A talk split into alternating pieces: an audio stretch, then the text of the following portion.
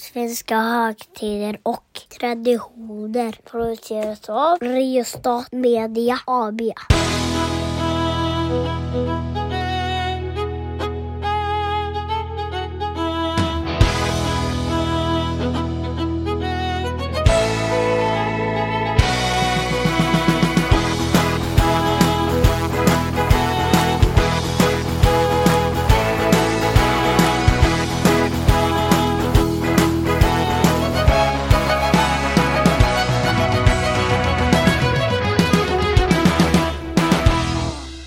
Hej och välkomna till podden Svenska högtider och traditioner. Idag med bara mig, Mattias Axelsson.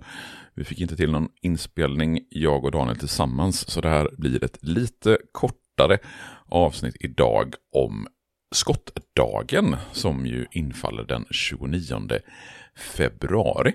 En gång vart fjärde år så har vi ett skottår och därmed också en skottdag.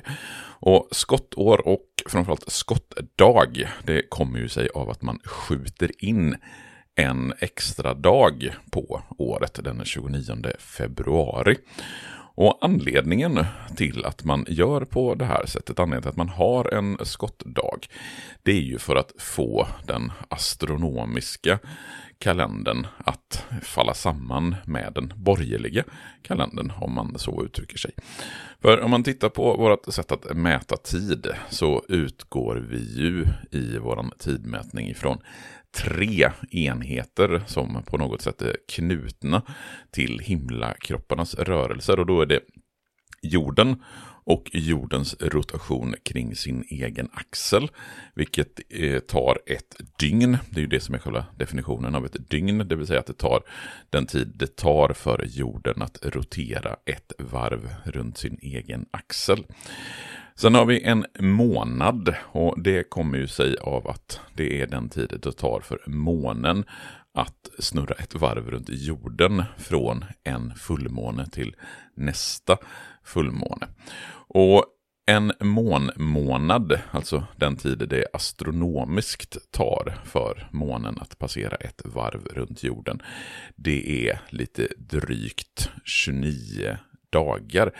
29,5 dagar brukar man säga. Och till sist så har vi ett år, det vill säga den tid det tar för jorden att snurra ett varv runt solen. Det är det som definierar ett år. Problemet det är ju att eh, år, månad och dygn inte riktigt synkar med varandra.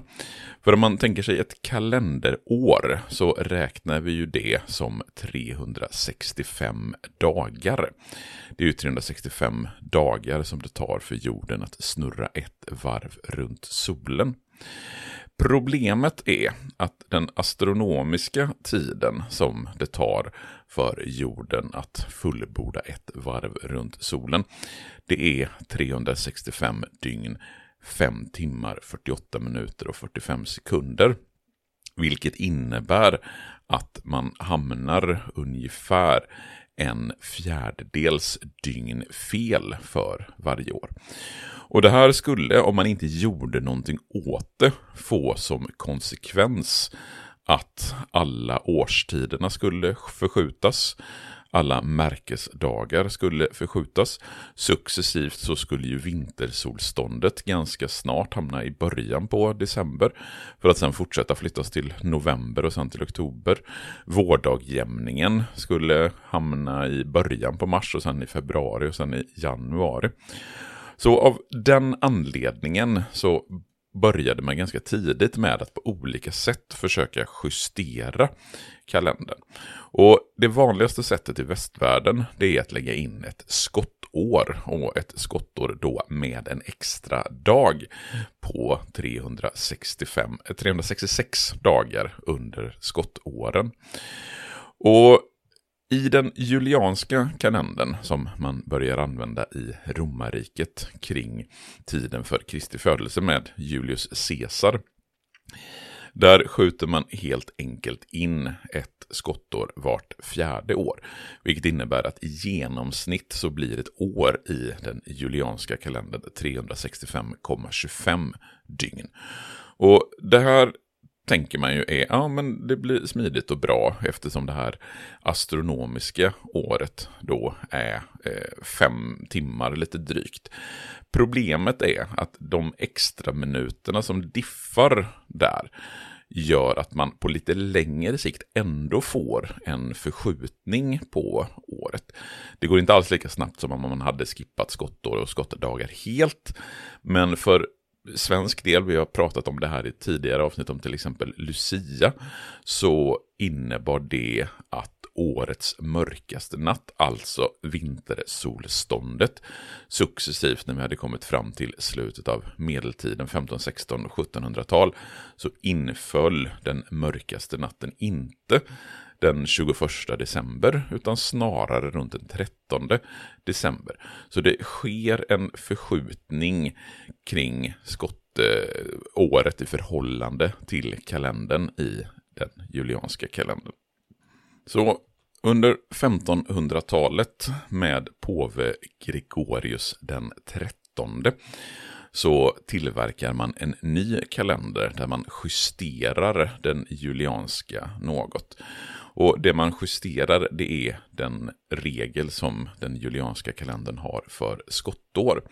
Så i den gregorianska nya kalendern som börjar att införas successivt från 1500-talets andra hälft, då hoppar man över skottdagarna varje jämnt hundratal år om hundratalssiffran inte är jämnt delbar med 4.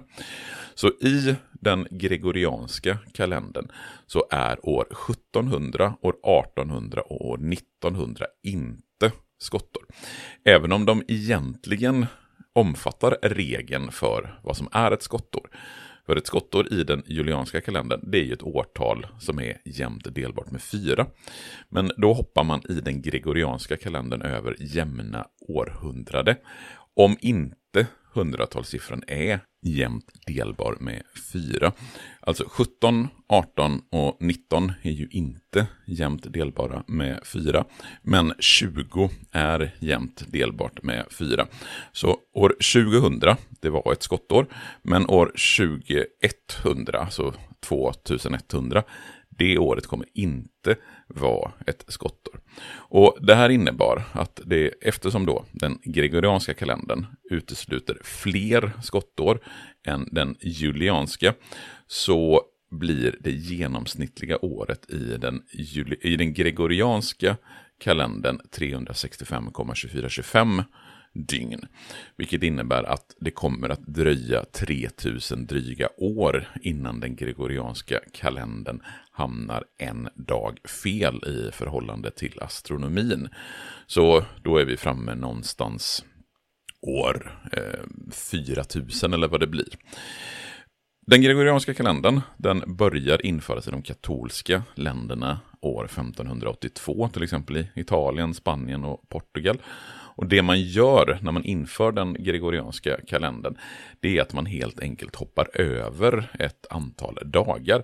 Så den 14, den 4 oktober 1582 följs i spanska och italienska kalender direkt av den 15 oktober 1582. Så från den 4 till den 15 oktober så blir det topp. Den femte, sjätte, sjunde och så vidare oktober 1582 finns helt enkelt inte i de här länderna. Och så är det även för svensk del. För i Sverige så väntade vi fram till 1753 innan vi inför den gregorianska kalendern. Och det innebär att i Sverige så följs den 17 februari 1753 direkt av den 1 mars 1753. Så den 18 till den 28 februari 1753 existerar alltså inte i svensk historia. Och det här är något av ett problem för bland annat släktforskare som ska bedöma gamla människor som levde kring 1700-talets mitt var. Och för att krångla till det ytterligare så hade Sverige under ett antal år i början på 1700-talet en egen svensk stil. För när Sverige skulle för första gången införa den gregorianska kalendern så tänkte man att man skulle göra det i början på 1700-talet genom att successivt införa kalendern genom att under ett antal år skippa skippa skottåren och skottdagarna. Och det här börjar man med år 1700 och hoppar över 1700 som ett skottår. Och sen var tanken att man skulle hoppa över år 1704, 1708 och 1712 etc. Men eftersom Karl XII befann sig utomlands under stora delar av den här tiden, det stora nordiska kriget pågick, så glömde man helt enkelt bort den nya regeln, regeln både år 1704 och 1708. Vilket innebar att mellan år 1700 och år 1712 så hade Sverige en helt egen kalender som inte låg i fas med den julianska, men inte heller i fas med den gregorianska. Den diffade en dag i förhållande till julianska och vad blir det, tio dagar i förhållande till den gregorianska. Så när man pratar om händelser i Sverige mellan år 1700 och 1712, till exempel slaget vid Poltava, eller andra händelser under stora nordiska kriget, så brukar man vara tvungen att ange tre olika datum. Dels datum enligt den julianska, dels enligt den gregorianska och dels enligt den svenska stilen. Sen ändrar man tillbaks det här år 1712 genom att man inför 30 februari år 1712 i Sverige. Och det är mig veterligen det enda tillfället i historien som den 30 februari har funnits i en kalender. Det vill säga man har två skottdagar i Sverige år 1712. Men skottdagar, eller skottdagen, har då funnits vart fjärde år under väldigt lång tid. Men i Sverige så var det inte den 29 februari som räknades som skottdag under eh, lång tid, utan då var det istället den 24 februari som var skottdagen. Och det minns jag själv från min uppväxt, för jag heter ju som ni säkert vet Mattias, och Mattias har ju sin namnsdag den 24 februari. Och det innebar att vart fjärde år när det var skottår under under 1980 och 1990-talet, då försköts min namnsdag en dag, ett datum, vilket innebar att år 1996, som ju då var ett skottår, då blev min namnsdag istället den 25 februari, eftersom då skottdagen detta år inföll den 24 februari. Men sen år 20, sedan år 2000 så har Sverige också haft skottdag den 29 februari, så som man har i de allra flesta länder. Vad finns det då för traditioner kopplade till skottdagen? Varför pratar man om skottdagen i ett, eh, en podd om just svenska högtider och traditioner? Jo, vi har en tradition som jag inte tror är så särskilt utbredd numera. Men det sägs att kvinnor ska få fria på skottdagen. Det vill säga att under skottdagen vart fjärde år så är det fritt fram för kvinnor att bryta könsmönstren och könsrollerna och ta initiativ till frieri. Och enligt vissa källor så går det här tillbaka till borgerliga seder i Storbritannien under 1800-talet. Och de traditionerna i det brittiska 1800-talet ska i sin tur ha rötter tillbaka till Irland redan på 400-talet. Där det irländska helgonet Sankt Patrick införde att kvinnor skulle få fria en dag vart fjärde år. I Sverige så har skottdagen betraktats som en sån här dag då saker och ting ställs på ända, vänds upp och ner. Och det är väl också det som ligger i linje med den här traditionen att kvinnor ska få fria, att det vänder och vrider på de invanda traditionerna. Man har bland annat anordnat så kallade skottårsbaler dit ogifta kvinnor kunde få bjuda in ogifta män. Och sen finns det från det tidiga 1900-talet exempel på vykort där det står citat akta dig kar, det är skottår, slut citat. Och som en illustration till det här kortet så finns det en man som kommer gående och i buskarna runt omkring så står kvinnor och lurpassar på honom. Och det verkar ändå, trots att jag initialt tänkte att den här traditionen, den hör ju hemma i ett helt annat århundrade, så finns det en del belägg på nätet. Bland annat så har Institutet för språk och folkminnen en lista på eh, belägg och där olika kvinnor födda på slutet av 1900-talet, när de berättar om att Eh, den här traditionen diskuteras och faktiskt finns. Det finns en kvinna född 1992 som säger så här till eh, ISOF. Min brors flickvän friar varje skottår. Varje gång säger jag nej, tror de har varit tillsammans i 19-20 år. Nu, en annan kvinna född 63, så säger jag försökte fria den 29 februari 2000 med mannen som fortfarande är min sambo. Duckade och vi är inte gifta ännu. Och sen finns det en del ex eh, exempel här på kvinnor som faktiskt håller den här traditionen eh, levande. Men det är vad jag vet den enda traditionen som vi kan härleda till just skottdagen. I övrigt så är det ju en extra dag inskjuten på året och det som man brukar lyfta när man pratar om skottdagen det är ju till exempel de som fyller år den 29 februari. Att de bara får fira sin födelsedag vart fjärde år. Och är man till exempel 16 år och fyller den 29 februari så kan man ju skoja till det och påstå att man bara haft fyra födelsedagar och därmed bara, bara är fyra år gammal. Men här fick ni då lite information ändå om skottdagen, den dagen som man skjuter in vart fjärde år för att synka astronomi och kalender så att saker och ting eh, rullar på som de ska. Vi hörs igen någon gång under mars. Då finns det ju ett antal traditioner och högtider som vi ska prata om i podden. Första torsdagen i mars kommer ju, våffeldagen kommer ju, påskhelgen kommer ju, så eh, stay tuned. Så kommer vi med nya avsnitt så småningom. Ha, så, ha det så bra tills dess, hej då!